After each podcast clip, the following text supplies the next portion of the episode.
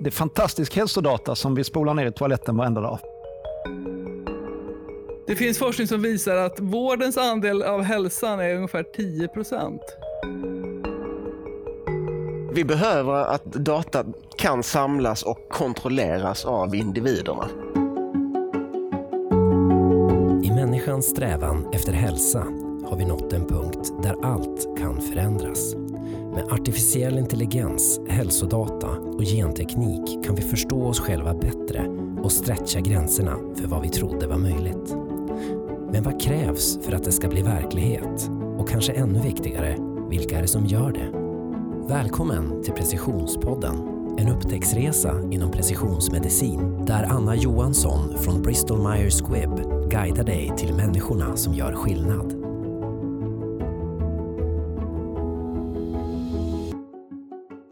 Hej och välkomna till Precisionspodden och till Folkhälsodalen där vi idag livepoddar från den här virtuella scenen. Jag heter Anna Johansson och leder eh, samtalet här idag. Eh, och det här avsnittet skulle vi ju egentligen ha spelat in eh, under Almedalsveckan i Visby, men som bekant så beställdes ju den in. Så att, eh, nu kör vi det här greppet istället, provar någonting nytt, för vi tycker att samtalet vill vi hålla, det är alldeles för viktigt för att ställa in. Temat för dagens samtal det är ingen medicinsk innovation om oss utan oss. Eh, och vi ska prata om rollen som vi själva spelar som människor och som patienter i utvecklingen som sker inom life science med hälsodata, AI och precisionsmedicin. Inför det här samtalet så har jag intervjuat Sara Riggare, som de flesta kanske känner till. Hon är spetspatient och doktorand i digital egenvård och har bland annat utsetts till Årets medicinsvensk av tidningen Fokus. Sara är patient själv med en kronisk sjukdom, Parkinsons, och eh, hon forskar i hälsoinformatik vid Karolinska institutet. Under samtalet här då så kommer vi att få lyssna till Sara i den här förinspelade intervjun då som jag eh, har gjort med henne. Men med oss här i studion då så har vi ingen mindre än eh, Hannes Sapiens Sjöblad, eh, biohackare och tech-entreprenör Eh, han är VD och grundare av Disruptive, som är en designbyrå för teknik för att uppgradera människokroppen. Han är också populär föredragshållare och verksam vid fakulteten vid Singularity University Nordic. Varmt välkommen Hannes. Roligt, tack. Eh, och bredvid Hannes så har vi Fredrik Lindén. Du är koordinator för My Data Sweden och eh, har en gedigen bakgrund inom digitalisering av sjukvårdssektorn i Sverige och i Europa. Välkommen Fredrik! Tackar, tackar! Superkul att vara här. Ja, trevligt tycker jag med. Eh, vad tänker ni kring det här, liksom det nya normala här nu? nu går vi, liksom, vi skulle ha varit på plats i Almedalen och så mm. står vi här och livestreamar. Några tankar kring det? Ja, klart sämre, men bättre än inget. Men jag vill absolut tillbaka till, till fysiska möten. Jag mm. tycker det ger absolut mest. Mm. Nej, men eh, observationen är ju också att eh, vi har ju tokaccelererat digitaliseringen på flera sätt nu. Vi har vant oss vid att eh, man har möten digitalt, att man gör läkarbesök digitalt, att man utbildar sig digitalt. Och jag tycker det är häftigt hur den här pandemin har liksom accelererat en massa trender som har legat och tickat ganska länge. Mm. Visst har det. Det är fantastiskt. Vi kan ju komma tillbaka till det. Ehm, Annars tänkte jag börja med dig Hannes. Om du vill bara förklara lite grann. Vad, vad är en biohacker? Ja, såklart. Eh, biohacking är ju, vad kan man säga, en subkultur, en rörelse av folk som tycker det är kul att experimentera med ny teknik. Och vi biohackare vi brukar säga att traditionella hackare håller på med datorer, alltså hårdvara och mjukvara och skruva och programmera. Vi biohackare vi är intresserade av att se vad kan man göra med biologiska system. Alltså allt ifrån celler, växter, djur och till och med människor. Och så i det här hackandet då, det, det, det är ju egentligen, ja, det betyder att man experimenterar. Till exempel eh, här finns ett chip som man brukar stoppa in i katter för att de ska kunna gå in genom kattluckan. Vad händer om jag stoppar rätt i mig själv? Och så tar man reda på vad som händer. Så vi biohackare och andra hackare, vi tar kanske saker som traditionellt används till en sak och testar, vad händer om jag gör så här med det? Men det måste ju vara oändliga eh, möjligheter där, tänker jag. Och liksom, ja. ja, men det är en väldigt rolig och väldigt dynamisk subkultur som finns i hela världen. Och, och det som har gjort att den här biohackerrörelsen har vuxit fram och på så många ställen är ju just att de verktygen som finns idag eh, har blivit billiga och tillgängliga. Precis som datorer en gång i tiden gick från att vara någonting som bara några forskare hade i ett labb till något som alla hade hemma. Så ser vi samma trend idag vad gäller till exempel små sensorer man kan sätta på kroppen eller sån här lite DNA-labb där man själv kan analysera eh, sin mat hemma i köket. Så eh, det innebär att en massa fler människor får tillgång till tekniken och vi kan göra innovation på nya sätt. Men om, tänk, om man tänker mer ur liksom det här med hälsa och så då. Eh, om vi liksom smalar in lite på det spåret. Hur ska vi, liksom, vi som människor då förhålla oss till detta eh, angående vår hälsa? Mm. Ja, men vad biohackerrörelsen kan bidra till med detta är ju att en inte oväsentlig del av eh, det vi gör handlar ju om att mäta det egna systemet. Och eh, till exempel man mäter sin sömn och så ser man, experimenterar man lite, vad händer om jag slutar dricka kaffe? Och så kan man se hur man kanske får en bättre sömnkvalitet över tid. Eller man provar ett visst sömnmedel, ja, men det funkar inte för mig. Och det intressanta är då approachen som vi har i det här vi gör.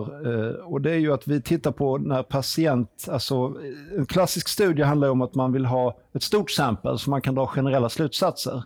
Men vad tekniken möjliggör för oss är ju att eh, vi utgår bara från en enda individ och testar den. Så vi säger att studien handlar om att en är lika med ett. Och eh, det är ju något som den traditionella vetenskapen är ganska ointresserad av. Men för mig är det ju superintressant om det här eh, effekten av kaffe eller alkohol eller vad jag nu konsumerar har väldigt stor betydelse för min egen sömn. Och Det är ju jätteintressant ur det här perspektivet med precisionsmedicin. Då kan man säga. Det, det finns ju olika nivåer där också på precisionsmediciner, men, men den kanske yttersta nivån är just detta som, du, som Mm. du pratar om här, att vi ska kunna följa på individnivå. Exakt. Liksom. Det är ju ja, fantastiskt. Eh, Fredrik, om vi bara får liksom, eh, hälsa lite på dig också. Du är eh, initiativtagare då till My Data i Sverige. Och ni har ett tydligt mål att stärka egenkontroll och individens inflytande över personliga data. Hur, det går, hur går det för er? Jo, men det, det går alldeles utmärkt tack. Eh, Väldigt glad att regeringen kom med, ett uppdrag till fyra stycken av sina myndigheter i somras kring just eh, egen kontroll av sitt, sitt data. Det är Hälsomyndigheten, Skatteverket, eh, Arbetsförmedlingen och Försäkringskassan tror jag det var som, som fick detta uppdrag. Så det känns väldigt positivt. Eh, I somras kom det också ut eh, 16 lösningar som är stämplade med, som My Data-operatörer. En av dem lyckades få till att vara en svensk. Så det går så sakteliga framåt. Klart vi kan alltid bli fler medlemmar. Men, eh, Vad, eh, hur, hur tänker du då? Borde vi liksom tänka när det kommer till just hälsodata då, som vi var inne på här? Jag, jag tror att vi ska tänka precis som du säger. En är lika med ett, men vi behöver också få till det här aggregerade datat och det är det MyData försöker, det vill säga få till ett, ett effektivare och bättre sätt att dela datat på ett säkert sätt. Eh, Så att, vi passar den rörelsen väldigt bra, precis som vi passar systemet väldigt bra tror jag. Ja, mm. Vi ska dela mer, men göra det på, på rätt sätt. Japp. Den tekniska utvecklingen möjliggör ju verkligen att vi kan förändra det här hur det är liksom att vara patient. Och Då brukar man prata om att vi ska gå från att vara passiva mottagare och konsumenter av vård till att, liksom, att vi blir mer medskapare eh, och producenter. Vill ni säga något mer om liksom den, den utvecklingen? Ja, min erfarenhet eh, är ju den att det finns ju en viss grupp av personer som Eh, kan nörda ner mycket i ett visst ämne, till exempel sin egen hälsa eller någonting annat, men nu pratar vi ju hälsa idag. Men den stora majoriteten av folk orkar inte sitta och göra Excel-ark över eh, sin egen sömn eller vad man äter. Och det är ju en, en ganska betydelsefull insikt när vi pratar precisionsmedicin att Eh, visst, det finns ju liksom spetspatienter och early adopters med mera, men någonstans så måste vi eh, förenkla och försmidiga eh, tillgången till alla de här tjänsterna som vi vet att folk vill ha. Hur gör vi det enkelt och tillgängligt för alla att ha en tillgång till sin personliga hälsoprofil? Och här är ju då dataaspekten väldigt, väldigt central, det vill säga det finns ju inget alternativ till om vi ska göra eh, precisionsmedicin, då måste det vara datadrivet. Ingen diskussion. Och för det andra, för att det ska funka så måste individen ha kontroll och förståelse för sin egen data. Så de två nyckelpusselbitarna tror jag att vi kan komma liksom inte runt i den här eh, hela diskussionen. Nej, och, och där hjälper ju MyData-operatören just till med det. Du kan ju vara din egen MyData-operatör om du orkar, kan, vill. Eh, men, men vi tror inte att alla inte kommer göra det utan då behöver du en, en delegeringsmekanism som ju inte bör vara de plattformar som vi känner idag. Mm. Och ska man använda, är det bara när man blir sjuk då som man samlar de här data? Eller ska man liksom Nej, absolut inte. Ledande fråga. nej, men, så, nej, nej, man måste ju samla så fort man kan. Och eh, Nyckeln är ju att bygga baseline medan man är frisk så att man kan upptäcka när någonting är på väg att gå snett. Sen, återigen, jag tror inte att varenda kotte vill sitta och följa sin kolesterolkurva varenda dag. Här kommer det intressanta, ytterligare en teknikaspekt in på detta som är det här med virtuella assistenter som är en ganska eh, i nuläget faktiskt mycket dynamiskt teknikområde där tekniken förmänskligas, där vi kan börja prata med datorerna, vi kan ge dem instruktioner om att utföra uppgifter åt oss. Gå och köp det där på den där sajten med mera. Och när vi får det här filtret mellan oss och vår egen data, att man kan ställa ganska enkla mänskliga frågor och så finns det en assistent som tolkar eller kanske ger mig en liten påminnelse. Hannes, du kanske bör käka lite mer fisk. Istället för att jag ska få värsta eh, långa rapporten med en massa grejer jag inte orkar läsa. Mm, mm. Det tror jag är en nyckel för att åstadkomma den här tillgänglighetsaspekten. Ja. Ja, inte minst när man ser till att hälsa och sjukvård är bara ett av de områden där vi måste hantera väldigt mycket mer information än vad vi klarar av redan idag. Så är det just så, ge oss trenden, avviker trenden, då säg till. Liksom. Mm. Mm. Gärna då innan kroppen säger till att nu, nu är det kört. Nej, ja, det är verkligen alldeles för sent. Ja. Nej, men så att, jag menar, ni, är ju, ni båda är ju liksom drivande i den här utvecklingen och är med och, och vill se det liksom som en positiv utveckling i vårt samhälle, att vi ska eh, kunna eh, skapa och dela mer data. Så men jag tänker, vissa väljer ju också att stå utanför detta och vill inte dela sina data och är därmed inte heller medskapare i detta. Vad, vad, ur ett demokratiperspektiv, vad innebär det? Att man är passiv och inte vill vara med? Får man då inte samma tillgång till Alltså, det, det, det, finns, det finns ju mm. de som är oerhört aktiva men mm. väljer att inte dela med sig av datat och, och, och alltså sitt eget data men, mm. men tar del av vinningarna. Och det där är en, en väldigt eh, aktiv diskussion inom MyData-sfären. Liksom, var, var, var, går gränsen för, för, för hur, hur mycket ska individen behöva ge? Eh, är det okej okay med inget? Mm. Eller, eller är det så att vi för att ta del av det gemensamma måste vi också vara med och dela. Och fördelen med de nya tekniska lösningarna som, som har kommit och som kommer bli ännu bättre, det är att du kan ju verkligen välja att göra det du känner för. Mm. Och man ska ändå kunna liksom få ha tillgång till det? Jag, jag tycker ju det. Jag, jag, tycker att man ska få lov att ställa sig utanför samhället ja. och, och, säga att mm. ja, jag, jag, väljer att läsa böcker eller, eller online då. Liksom. Mm. Men, men uh, jag vill inte dela med mig av, av mitt DNA. Mm. Nej. Ja, men jag kan också ha fullständig respekt för, vi har ju en väldigt tydlig gränslinje att liksom, individer ska ha rätt till att kontrollera sin egen data. Samtidigt som vi förstås har eh, det offentliga, ja men vi betalar ju alla för den här vården. Och om det då är en grupp som liksom eh, eh, väljer att inte bidra eller liksom väljer att inte låta eh, samhället se när kanske en sjukdom är på väg att accelerera, vilket då mångdubblar eh, kostnaderna för, för vårt gemensamma. Där finns en spänning som inte är helt enkel att lösa. Det är nog någonting för politikerna att debattera. Definitivt, och där står ju MyData-rörelsen som ganska mycket en europeisk rörelse. Även om det finns hubbar i USA, det finns hubbar i Asien och Australien och över hela världen så, så är det ju en tanke om att, att eh, man försöker hitta gemensamma lösningar framåt och då är det ju enklare i, i din närhet, i Norden eller i Europa. Även om vi inte ens där är överens om olika hälso och sjukvårdslagar. Och, och så. Mm. så att vi måste ha möjligheten att se till att mitt data inte delas från Sverige till Polen till exempel, mm. eller Spanien. Mm. Jag tänker nu att vi ska klippa in Sara Riggare här också som vi har spelat in. Hon är ju då ett, eh, en spetspatient då, som är det här begreppet som hon själv har myntat.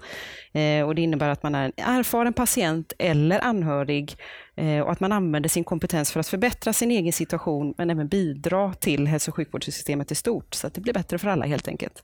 Lite grann som vi är inne på här då. Eh, och nyligen var Sara med och släppte en andra rapport om spetspatienter som heter Spetspatienter, en ny resurs för systemförbättring. Eh, och jag frågade henne hur hon skulle beskriva patienternas delaktighet på systemnivå och vad som kan göras bättre. Alla har ju sin egen person närmast och hanterar sin egna vårdkontakter, sin egen sjukdom, sina egna behov. Men ganska många av oss som lever med kroniska sjukdomar vill också hjälpa till på andra nivåer, det vill säga bortom vår egen verklighet.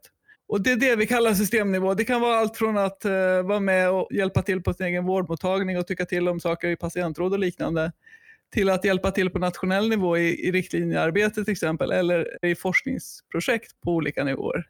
Det ökar ju lite grann både intresset och möjligheten att vara med där, eh, tack och lov. Um, traditionellt sett, till exempel i forskning, så har ju patienter setts som bara forskningsdeltagare. Men vi vet ju väldigt tydligt att, att forskningen blir bättre med patienter med aktivt som, och tycka till om både forskningsfrågor och, och eh, utfallsmått och allt möjligt så i forskningsprojekt. Så hon pratar mycket forskning såklart eftersom hon är forskare själv, men är det några spontana reaktioner, kommentarer från er på detta? Ja, om jag bara får lov att säga, jag sa tidigare att vi inte skulle dela information med Polen eller Spanien. Det var absolut inte det jag menade, utan vi ska inte göra det på automatik. Mm. Det var bara det jag ville säga. Eh, nej, men det, det, är superviktigt. Eh, jag har själv gjort tre DNA-analyser. Den första var med National Geographics Genome Project. Eh, sedan var det med det svenska LifeGene-projektet och nu senast under Covid har jag skickat ett, en kopia till Finland för att de gjorde en, en check där. Liksom. Så att, jag tycker det är oerhört viktigt att, att vi engagerar oss, att vi vågar, att vi gör och att vi, vi nu lär oss. Så att de kommande generationerna kan vara lite smartare än vad vi är idag. Ja, jag kan väl hålla med i så mått att eh, någon måste leda galoppen också. Och därför tycker jag det är häftigt att det finns liksom en eh, kultur av individer som experimenterar, att vi har eh, unga startupbolag och andra som också testar nya lösningar. Och sen så småningom kommer den stora vårdapparaten, den akademiska forskningen att tugga med sin kvalitet och sina processer. Och så. Men eh, båda de här delarna behövs för att fältet förändras så fort.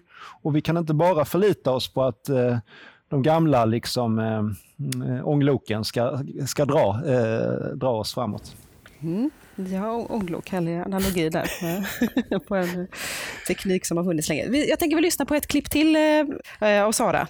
För jag passade även på att fråga Sara då hur eh, den svenska life science-strategin skulle sett ut om den var skriven av patienter istället. Ja, det är en bra fråga. Eh, jag har ju deltagit, jag har inte skrivit det i strategin, men jag har varit med i gruppen som har gjort förarbeten till och sitter fortfarande med i life science, regeringens life science samverkansgrupp. Och jag kan ju bara svara hur jag själv skulle se på det, så det är ju min bild av det. Jag tycker att den är rätt bra. Jag är väldigt glad att det kom med preventiv och egenvård i strategin som vi har nu. För jag tycker att det är viktigt och särskilt med tanke på att det finns forskning som visar att vårdens andel av hälsan är ungefär 10 procent.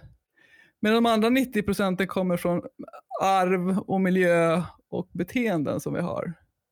Det vill säga individuella faktorer och, och det man själv kan, kan förändra i form av livsstil och, och andra saker. Så på det sättet är det viktigt att få med, inte bara ha vård, fokus på en life science-strategi och det är jag glad att det inte är. Det jag kan tänka mig är att om det hade varit ännu mer patientdeltagande i arbetet så hade det kunnat bli kanske ännu mer av eh, egenvårdsaspekter. För att det, egenvården är ju det, det, det viktigaste för oss som lever med kronisk sjukdom, att hitta sätt att gö göra det bättre för varje dag.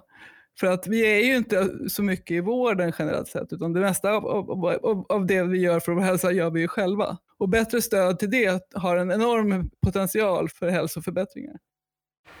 Ja, hur insatta är ni i Sveriges life science-strategi? Vad, vad, vad, vad har ni för tankar kring detta, kring vad Sara säger? Ja, nej men eh, jag, jag jag tycker, ska jag vara helt ärlig så tycker jag det går för långsamt. Jag, jag har varit i den här branschen sedan 2006. Jag började på infrastrukturbolaget vars delar nu ligger i, inom Inera-området.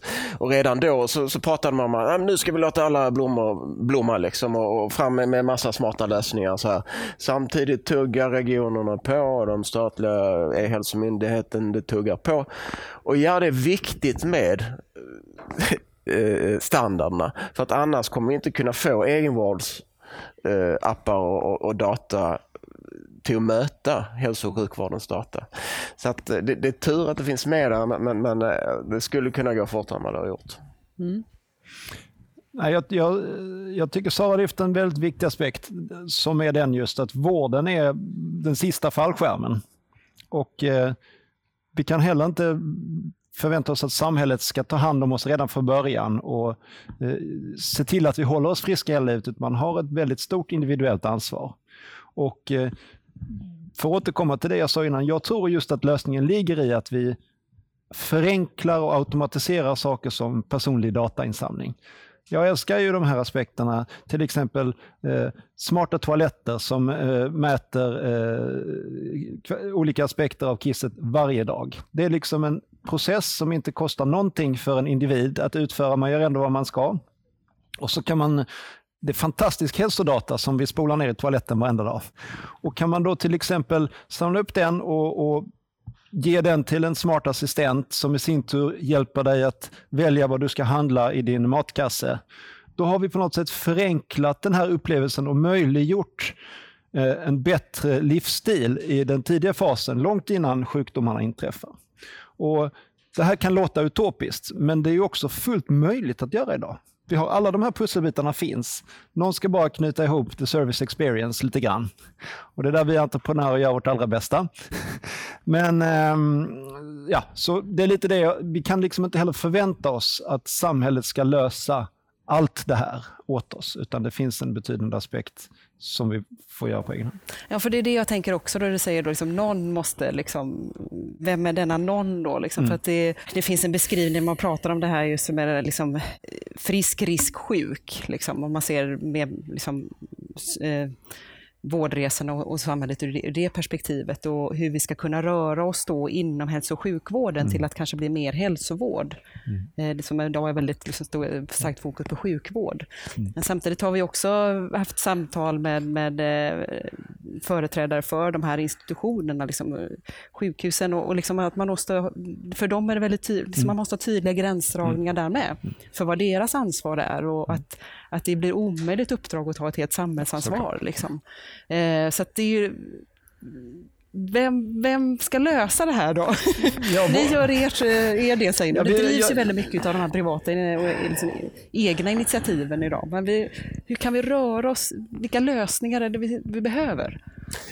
Ja, men vi, vi, behöver att, att data kan samlas och kontrolleras av individerna. Mm. Som invånare eller bara individer, mm. som, som, som, patienter.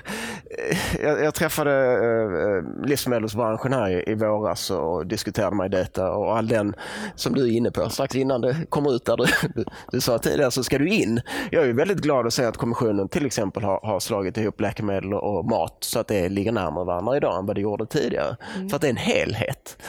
Och den helheten, vi kommer inte kunna nå dit utan att vi kör ett MyData-liknande koncept. Mm.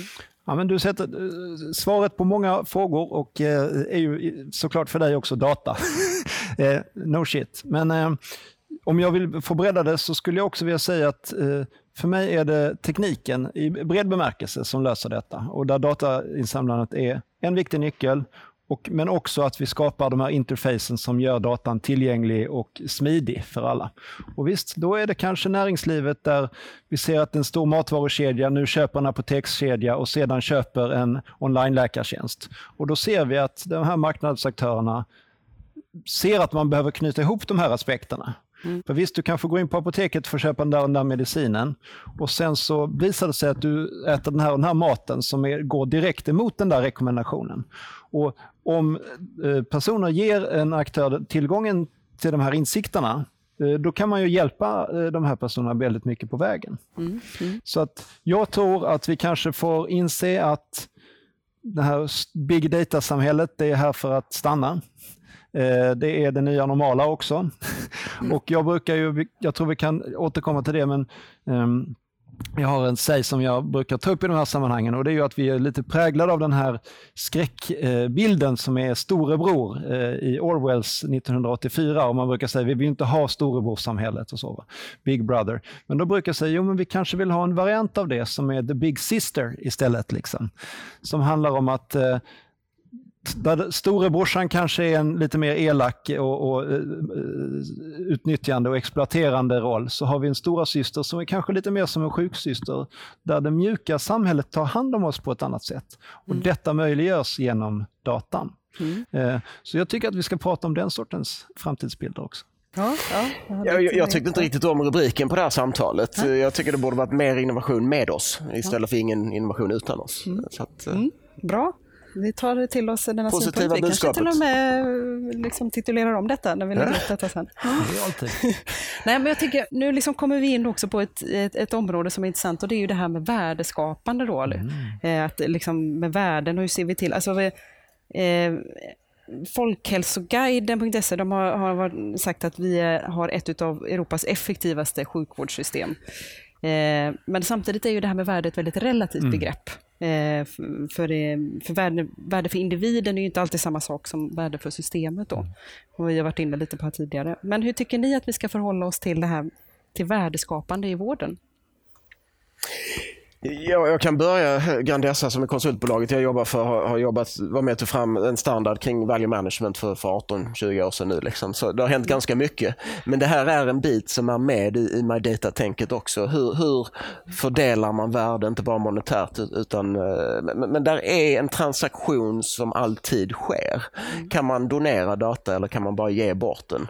Och, och vad är skillnaden i värde däremellan och vilka aktiviteter kan du göra mot datat uh, därefter? Så det, det det är nog den, den eh, kanske inte ultimata, men, men det är en jätte, jätte, jättesvår fråga.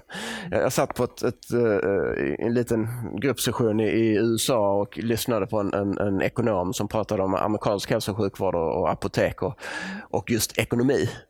Och jag har aldrig varit så nära att lämna rummet eh, och branschen. Så obehagligt tyckte jag det var.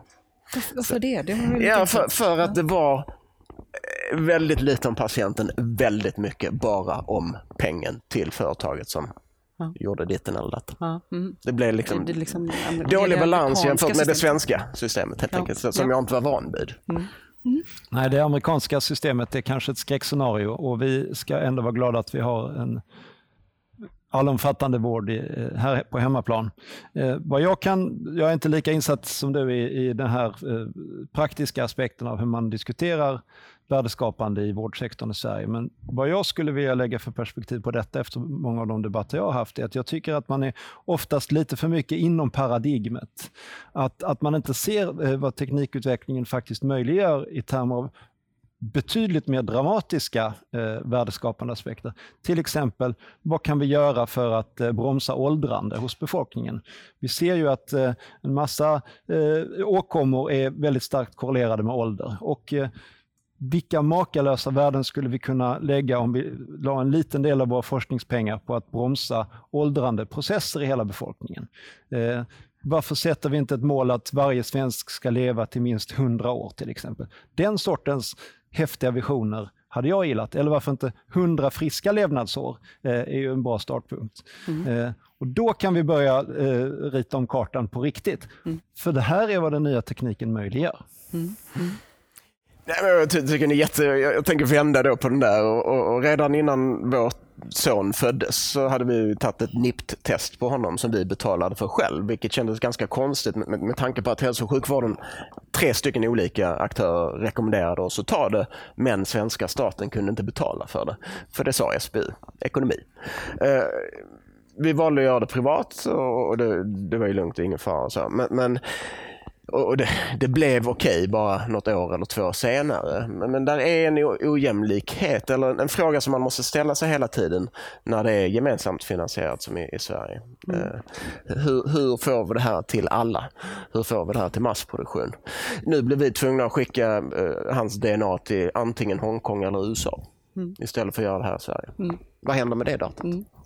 Häftigt att det var möjligt i alla fall. Ja, absolut. Ja, men precis. Men det känns ju som att man skulle vilja göra det här i Sverige. Mm. Men finns det andra sätt att mäta de här värdena då, tror ni? Andra sätt än de man gör idag? Ja. Alltså, nu, nu kommer vi in på decentraliserad finance. Alltså, he, hela nya teknologin kring, kring, hur vi kan mäta, följa, eller inte mäta, men följa och göra mikrobetalningar. Det är med i det arbete som iData gör nu för, för att förstå vad kan fungera för ett europeiskt samhälle, eller Sverige eller, eller USA. För att eh, betalningsmekanismerna ser så olika ut. Forskning i USA ser inte ut som forskning i Europa. Det, betalningsströmmarna ser annorlunda ut. Det, det är en svår och viktig fråga. Medlen är alltid ändliga. Tillgänglighet är också någonting som brukar lyftas fram eh, mycket i de här diskussionerna och är någonting som vi människor värdesätter. Jag tänker Hannes, hur ser du att teknologin förändrar vår tillgång till hälsa? Eh, ja, vad vi bara kan se som har hänt senaste halvåret så har det hänt en massa väldigt intressanta saker vad gäller tillgänglighet. Till exempel att detta att gå till doktorn har blivit helt normalt att göra i mobilen. Istället för att man går till det där huset där det liksom sitter, står en, en skylt utanför dörren. Och eh, att man då också, vilket jag ser i nästa steg, men vi har ju fått eh, mobila covid-testningsstationer och pop-up-stationer på parkeringsplatser och köpcentrum. Eh, självfallet skulle vi kunna utveckla den infrastrukturen så att när du gör en online-konsultation med en doktor, då finns det mobila testteam som ständigt åker runt i bilarna och kan komma och topsa dig på trappan inom 20 minuter och köra i eh, lilla burken och se, eh, göra ett odlingsprov på vad du har i näsan eller, eller dra ett blodprov och sådär. Och att vi liksom tänker att det ska vara mobilt istället för att en skröplig person i en eh, riskkategori då ska ta sig till en vårdcentral och sitta där i ett, i ett väntrum. Så den tillgänglighetsaspekten, den tycker jag att vi har fått en massa fiffiga insikter om eh, under pandemin. Och jag hoppas att vi kommer ta vara på dem väldigt kraftfullt och inse att det är liksom Amazon har fattat någonting, att det är den där sista eh, milen man ska leverera som faktiskt är väldigt, väldigt intressant. Och eh, vi kan bryta ner de här strukturerna, att det ska sitta några personer med vita rockar i en viss byggnad under ett visst antal timmar. Och så kör vi den här digitala modellen. Och den här mobila testtekniken, det har vi ju idag. Och vi kan, eh, folk kan ha pulsklocka hemma och alla de där grejerna som man kan dela data direkt i de här konsultationerna. Jag, jag håller helt med dig. Jag tänker bara säga emot dig för saks skull. Det är viktigt med rörelse också. Eh, de gamla behöver komma ut och röra sig på stan, inte under nuvarande omständigheter. Men, men, men som vi vet så är Det kan skiljas från läkarbesöken. ja. kan man ju gå en promenad i skogen istället för att ta sig in på en jäkla buss in till en vårdcentral. Känns som ett dåligt val. Ja, helt rätt. Helt rätt. Absolut. Ja, man kan vända på det också. Mm. du sa det lite själv det här, låt tusen blommor blomma och sådär. När det kommer till innovation då mm. inom sjukvården, eh, måste utvecklingen vara standardiserad eh, för att det ska liksom funka över hela landet? Eller kan man, kan man ha det här, liksom, låt tusen blommor blomma? Om vi börjar med hela landet så är det fel perspektiv tycker jag. I alla fall hela Europa, gärna större än så. För, för har vi inte de grundläggande standarderna eh, så, så, kommer vi aldrig lyckas med det här. Så, så, basen måste finnas och den behöver vara internationell till och med. Eh, sedan så tror jag att vi är framme vid att ja, nu kan vi låta alla blommor blomma. Mm. Men då måste också utvecklarna bli mer, mer noggranna med att följa standarder som, som redan finns. Liksom. Inom det här mm. så utveckla vad ni vill. Eh, för det är, finns väldigt väldigt mycket eh, som är fantastiskt bra redan. Mm. Det är bara just det utbytet av information mellan systemen som är det svåra fortfarande. För att man eh, har följt olika konstiga standarder tidigare. Plattan måste finnas, sen kan vi köra. Plattan finns inte riktigt än i Sverige skulle jag säga, men, men det är inte långt borta. Två år till. Sen, Två år till. Ja, det låter och bra. under tiden så kommer entreprenörer ta chansen och, bara köra. Mm. Och Det kanske mm. visar sig att det var rätt timing att köra för två år sedan. Mm. Eller börja idag. Det vet vi inte förrän om tio. Mm. Nej, det, en väldigt konkret observation är ju, jag driver ju ett bolag då som vi utvecklar chipimplantat med sensorer i som kan mäta kroppstemperatur och puls och liknande saker. Jag har faktiskt ett sånt litet chip eh, här under huden i armen. Och, eh, vad vi uppskattar i vår bransch är att det, där finns det ju, eh, man kan handla mystiska grejer på eh, kinesiska sajter och stoppa in i sig själv. Och vi uppskattar väldigt mycket att det finns eh, standarder och saker vi kan följa när vi vill göra det här på ett helt eh, legitimt sätt. Eh, det här är ISO-standarderna för produktion och eh, biokompatibilitet och det här är eh, prövningsprocesserna och etikprövningsnämnden. Det finns ett väldigt fiffigt system som visar att vi faktiskt kan leverera en produkt som uppfyller de relevanta kraven. Och det är jag tacksam för efter att ha rört mig mer i den här, eh, eh, vad ska man säga, eh, the undergrowth of innovation eh, i biohackerrörelsen under ett antal år. Så när man väl vill eh, upp så är det väldigt fiffigt att vi har de här kvalitets eh, looparna man måste hoppa igenom. Och eh, när man väl har tagit sig igenom dem så vet ju folk och då kan systemet lita på att den här produkten uppfyller alla de nödvändiga kraven. Mm. Och, och kommer tillbaka till det där, kan, du kan det här väldigt mycket bättre jag, men jag tror att man började forska på de där implantaten någon gång på 60-talet i, i, grisar och de flyttade sig och de stannade inte där man satte dem och så vidare. Jag tror att man idag har de lokala slakterierna på ett helt annat sätt i Sverige igen. Mm. För att man vet var chippet sitter. Mm. Annars har man fått i maten och så har vi blivit sjuka av det. Mm. mm. Eh, nu tänker jag att vi ska lyssna lite på Sara Riggare igen. För hon utvecklade sitt eget sätt att mäta sin hälsa. Hon var medlem på en stor patientsajt då, eh, där man kan rapportera sin hälsodata. Och jag frågade henne då hur hon ser att vården kan hitta ett sätt att rutinmässigt inkludera patientperspektivet i framtagandet av innovationer, nya behandlingar, i uppföljningen och inte minst i sättet som man mäter värde. Det finns absolut mycket att vinna på patientrapporterade data. Det har jag själv lärt mig mycket på. Som sa så var jag med i en sajt och, och eh, trackade mig själv där. Och på det sättet lärde jag mig både vad vården tycker är viktigt i min sjukdom och jag lärde mig att se mönster i, min egen, i mitt eget mående. Och båda de delarna är väldigt viktiga för helheten. Och sen, min egen forskning handlar ju nu om eh, egenmätningar, self-tracking och någonting som är ett ganska nytt begrepp som kallas personal science. Och förenklat kan man säga att personal science handlar om det är den vetenskapliga armen av quantified self-rörelsen. Och det säga personal science handlar om att personer hittar sätt att ta reda på svaren på frågor som är viktiga för, för oss själva. Och, och, Det låter kanske förvånande om man inte har funderat så mycket på det här, men att det kan vara väldigt, väldigt annorlunda mot vad vården tycker, tror att vi tycker är viktigt. Och Det finns en rad skillnader mellan det, som, det sätt som traditionell vetenskap arbetar och forskning med patientrapporterade mått och det som patienter själva vill mäta när vi mäter saker som, som, som ska svara på våra egna frågor. Man blir förvånad faktiskt när man ser hur olika det kan vara. Men det har också att göra med att vårdens forskning bygger på gruppperspektiv, populationsperspektiv. Medan individer har ju individperspektiv. Och om man tänker sig en, en randomiserad kontrollerad studie så går den i tre faser traditionellt sett. Där man tittar då på, på värden i genomsnitt för en grupp. Men där får man ju inte svar på om det kommer hjälpa för just mig. Så det kommer ju efter det och det är där det här personal science till exempel kan komma in och se att hitta optimal behandling för just mig i min situation. Baserat på det som gruppstudierna har visat. Eh, och det finns såklart en enorm potential för, det, för vården att kunna förbättras baserat på sånt också. Men det är förvånansvärt nu när jag tittat mer ingående på det också i min egen forskning, hur långt ifrån de ligger varandra de här två perspektiven. Mm.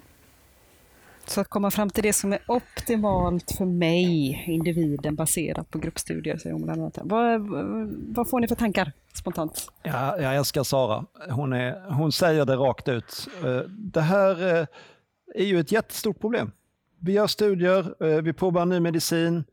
Eh, 60 procent av män 18 till 48 uppvisade en statistisk förbättring på eh, 0,6 standardavvikelser. Ja, men de andra då? Alltså, vi måste gå mot det här individuella testparadigmet. Vi har alla verktyg för att göra det idag. Eh, idag, för att ta ett exempel, vi har eh, de senaste åren lärt oss att eh, det finns eh, inom farmagenetiken att eh, personer som har vissa gener har, svarar väldigt olika på vissa mediciner. Och idag så skriver många läkare ut en viss medicin utan att kolla om människor har den här genen eller ej. Och jag menar, det är för mig eh, tjänstefel. Vi måste ju självfallet ha tillgång till exempel till den informationen när man väljer en viss medicin. Annars är det så, jaha den funkade inte, ja men okej, tre veckor senare, då får vi väl prova nästa preparat då. Och eh, det är ju inte en fungerande sakernas ordning, utan eh, eh, för att kunna ge folk eh, rätt medicinering, då måste vi också se till att systemet kan ställa en fråga till den här personens genetik. Och det här är ett fält, det här med farmagenetik, som växer enormt just nu, för vi upptäcker hela tiden fler och fler. FDA har en lista som de uppdaterar varje månad med fler och fler mediciner där man hittar den här sortens förhållanden mellan hur olika gener påverkar effekter. Och Det kan vara både positiva och negativa. Och eh, det här menar jag att vi, det är ganska bråttom att integrera i vårt vårdsystem. Eh, den här förståelsen för hur eh, samspelet mellan gener och, och medicinering. Som en dimension av det Sara säger, vi måste Eh, till det här individuella testandet nu. Och vi har sensorerna och vi har tillgång till verktygen för att göra det också. Mm. Ja, Fredrik? Det, det är ett superviktigt perspektiv. Jag, jag, sa innan att jag skickade mitt DNA till Finland och det gjorde jag. Fem av de eh, mediciner som de testade mot skulle specialanpassas för mig på IVA om jag hamnade där på grund av covid-19. Mm. Eh, och eh, det, det, är sin sak och dit kommer vi ganska snart tror jag. Min, min mamma hon hade hon dog i en cancer som de har en gång vart femte år i Region Skåne. Och då kan man undra vilken erfarenhet de har där lokalt av att ta hand om det här. Och där är det jättebra att EU-kommissionen eh, e tillsammans med länderna jobbar inom European Reference Networks med, med, med uh, rare diseases och ja, men, hyfsat sällan förekommande sjukdomar. Mm. Uh, så att vi har pengar kvar till, till att forska så mycket som vi bara kan. Jo, det behöver inte bli dyrare. Därför att, eh, att eh, gentester, vad kostar ett fullt genomtest idag? Eh, tusenlapp eller två, speciellt om vi gör det storskaligt. Det är flera andra länder som ju har redan börjat göra sådana här nationella gen, alltså DNA-insamlingar. Då, till exempel både Estland och Storbritannien är det stora sådana projekt som är en del i ett personligt, ja, en personalisering av, av sjukvårdssektorn. Jag saknar det i Sverige den här datan finns. Jag menar att vi borde göra det som donationsregistret eller motsvarande, att man, man kan eh, opt-in eller opt-ut, men det ska göras. Och man kan också säga att datan finns och biologiska ja, eh, tester det, finns sedan sen, eh, sen tidigt 70-tal. Mm. Så att ska man vara riktigt drastisk så skulle man kunna vända på kuttingen nu och säga kör DNA på det där och ge det bara till mig så bestämmer jag över det sen. Mm. Mm. Datadonationsregister, den tanken den, eh, den appellerar för mig i alla fall. Mm. Det, det, det, Ja, det, det, är inte så lätt som det låter. Det finns en, en bibba på 500 sidor som man kan läsa om det där. Så, som faktiskt är väldigt, väldigt intressant. Som ställer riktigt, riktigt svåra frågor. Kan du donera data medan du fortfarande lever? Eller kan du bara göra det efter din död? Ja, vi kan också diskutera en intressant aspekt som är, kan man eh, syntetisera datan på något sätt? Kan man göra avpersonifierade eh, kopior eller varianter på datasätt som tillgängliggör datan eh, för till exempel forskning utan att man på något sätt då eh, kompromissa med någons eh, privata uppgifter. Det finns rätt fiffiga tekniska Absolut, lösningar för det. Mm. Ja, jag tänker på det, det finns ju någon AI-lösning där med så här mm. biologisk tvilling och sånt där. Eh, man kan Exakt. Använda. Ja. Eller syntetisk data då, där man har eh, en maskininlärningssystem som tittar på ett riktigt datasätt och sen skapar en kopia, lite som en falskmyntare gör en falsk sedel Eh, med skillnaden då att det här stora, det nya datasättet har ingen eh, koppling till personerna i det gamla, därför att det är helt påhittade personer. Men om man tittar på aggregatet så finns alla sambanden där med ålder, bostadsort och eh, diverse hälsoaspekter. Så man kan ändå studera och, och eh, dra slutsatser från de här datamängderna helt befriat från eh, personuppgifter. Mm. Absolut. Mm.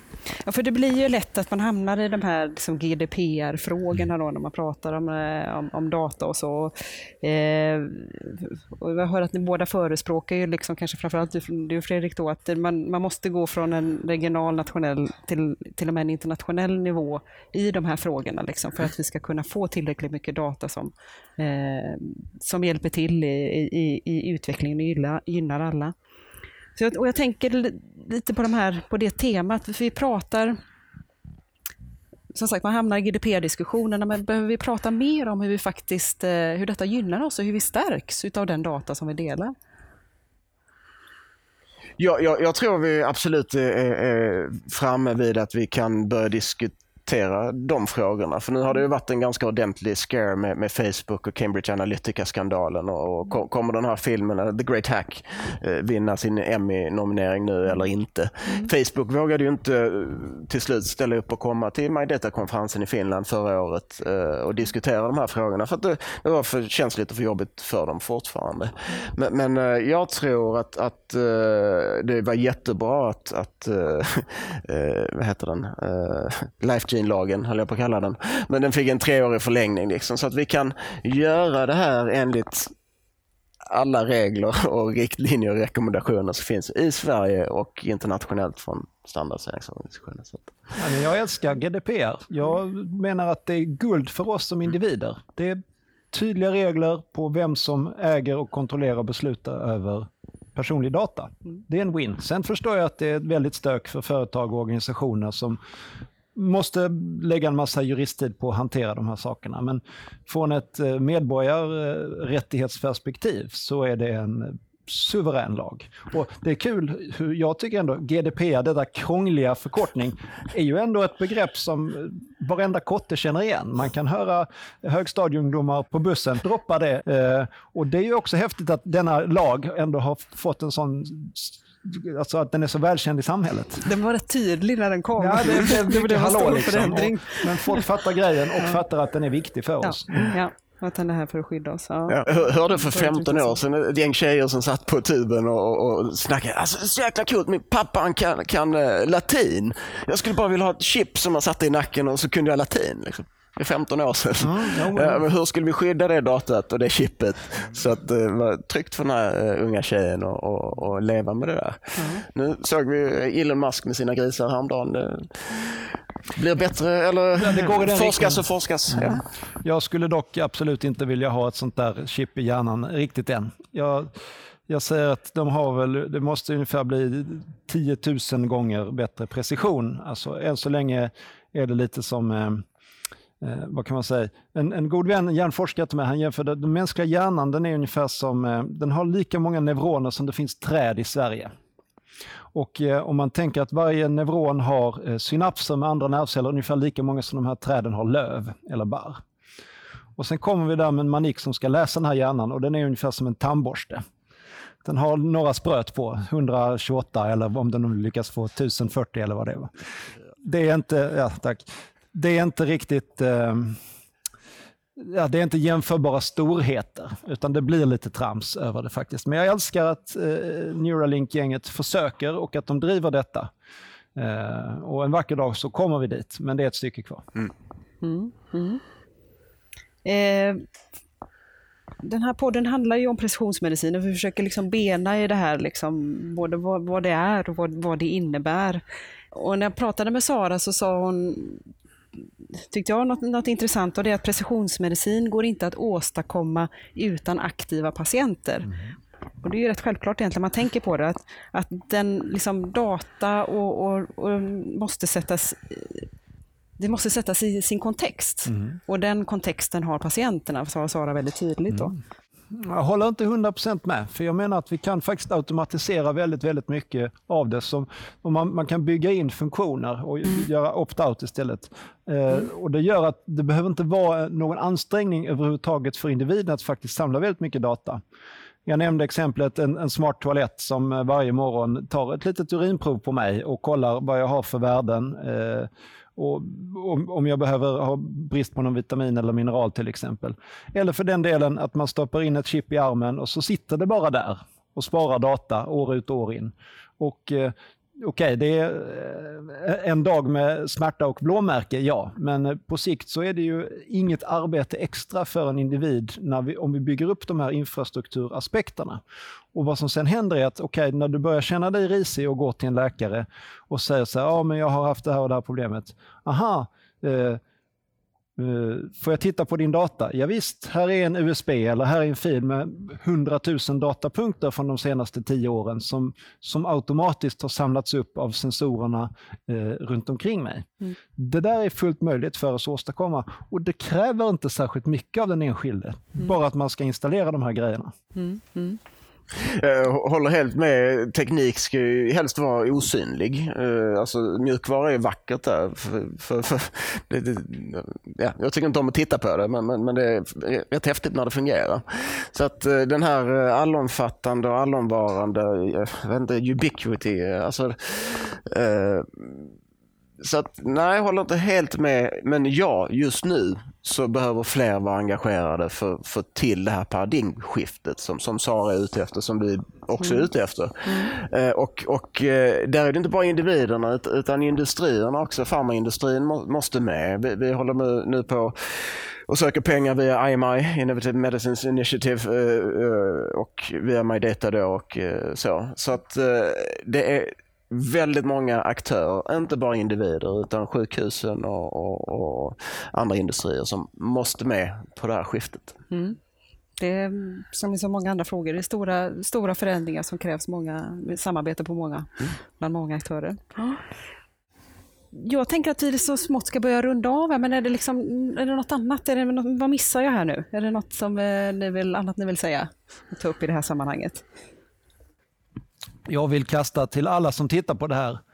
Eh, testa nu grejer själv så, så man fattar. Jag brukar alltid predika det, jag som håller på att experimentera med mycket ny teknik. Eh, skaffa dig ett smart armband och börja mäta din sömn. Gör ett gentest och ta reda på vilka mediciner som funkar för dig om du inte har gjort det. Det här är första steget för att förstå de här nya paradigmen. Det här eh, tiden som vi nu är på väg in i, som är den digitala biologins tidsålder, när biologi blir eh, digital. Vi kan läsa, skriva, programmera DNA. Vi kan logga liksom tusentals biologiska processer i våra kroppar i realtid, lägga upp dem i molnet, ha ett dashboard där man kan se hur kurvorna rör sig. Eh, vi lever i den digitala biologins era och det här ska vi använda oss av. Men nyckeln är att alla som bryr sig om detta börjar prova de här prylarna själva. Det är min rekommendation. Kör igång. Ja. Ja, nej men, eh, jag, jag, uppmanar alla till att börja titta på det nya decentraliserade internet. Det vill säga det internet som inte styrs av dagens plattformar utan som, som finns fritt tillgängligt där ute. Som inte styrs av dagens domännamn utan eh, det som tidigare många har sett som ett mörkt eh, område som man inte vill ge sig in i. Det börjar nu växa fram tack vare nya teknologier till att bli tillgängliga för allmänheten. Och att inom tre år har skaffat sig en så kallad self-sovereign identity eh, som kan användas helt fritt från alla länder eller tillsammans med de lagliga rättigheter som du har. Går man till er då eller var skaffar man en sån? Det kan man gå till många ställen men, mm. men, eh, men, eh, som sagt vi har 16 nu fungerande leverantörer. Alla levererar inte just den delen mm. men det finns många som, som eh, jobbar med det där just nu. Mm. mm. Det finns mycket vi kan göra själva för denna utveckling. Det finns mycket som Eh, Eh, systemet och eh, andra eh, kan göra också. Jag brukar alltid ställa en avslutande fråga i slutet på varje poddavsnitt och det kommer jag även göra till er. Om ni ser tillbaka nu på det här samtalet som vi har haft och de här möjligheterna nu som vi har att ta vara på människors unika egenskaper, gener, behov, livsstilar, allt mer i hälso och sjukvården. Vad, vad får det för tankar och känslor av sig? Vi börjar med dig Hannes då. Ja, ser du? Min känsla är väl att jag vill att fler människor ska både förstå och anamma möjligheterna som faktiskt finns i de här nya lösningarna. Att hur tillgängliggör vi dem för alla? Hur får vi människor att förstå dem? Eh, både det bra och det dåliga. Eh, om chefen springer runt och vill gentesta alla på jobbet för att ta reda på om någon är allergisk mot nötter. Ah, Finns det något annat som de också kan ta reda på i det här testet? Alltså, det här är nödvändigt att vi på något sätt behöver en sorts bred folkbildning kring vad vi kan göra med alla de här nya digitala eh, verktygen inom digital biologi. Eh, och där dataaspekten är otroligt central. Fredrik, dina tankar? Ja, nej, men jag, jag, det här med storheter som du var inne på tidigare är, är oerhört viktigt. Vad är vi? Hälften av mänskligheten eh, finns på internet idag. Häromdagen gick internet ner för första gången på ganska länge, eller fick stora, stora svårigheter. Det var ju så att eh, schackturneringar fick avgöras med remi. Liksom. Det, det, är absolut katastrof om det är viktigare grejer än en schackturnering, tänker jag. Eh, så att vi, vi bygger ett eh, väldigt känsligt system eh, som, som eh, kräver att vi, vi har folkbildning, precis som du säger. Apropå folkbildning så kan man titta på eh, hur, hur svenska staten lämnar ut pengar till människor som inte finns i Sverige. Och så ska vi inte heller behöva ha det. Utan jag tycker att man chippar in till samhället med, med sin data, sina pengar, sina skatter och man tar inte ut mer än det som man lagligen eh, kan och har rätt till. Och där kan den här sortens eh, då, lite friare personer, om vi kallar det eh, alltså self-sovereign identiteter, hjälpa till så att folk kan vara, behöver aldrig vara rädda för sin stat, varken Sverige eller någon annan. Med de orden så säger jag stort tack för att ni var med idag. Jättekul, tack så du ha. Tack!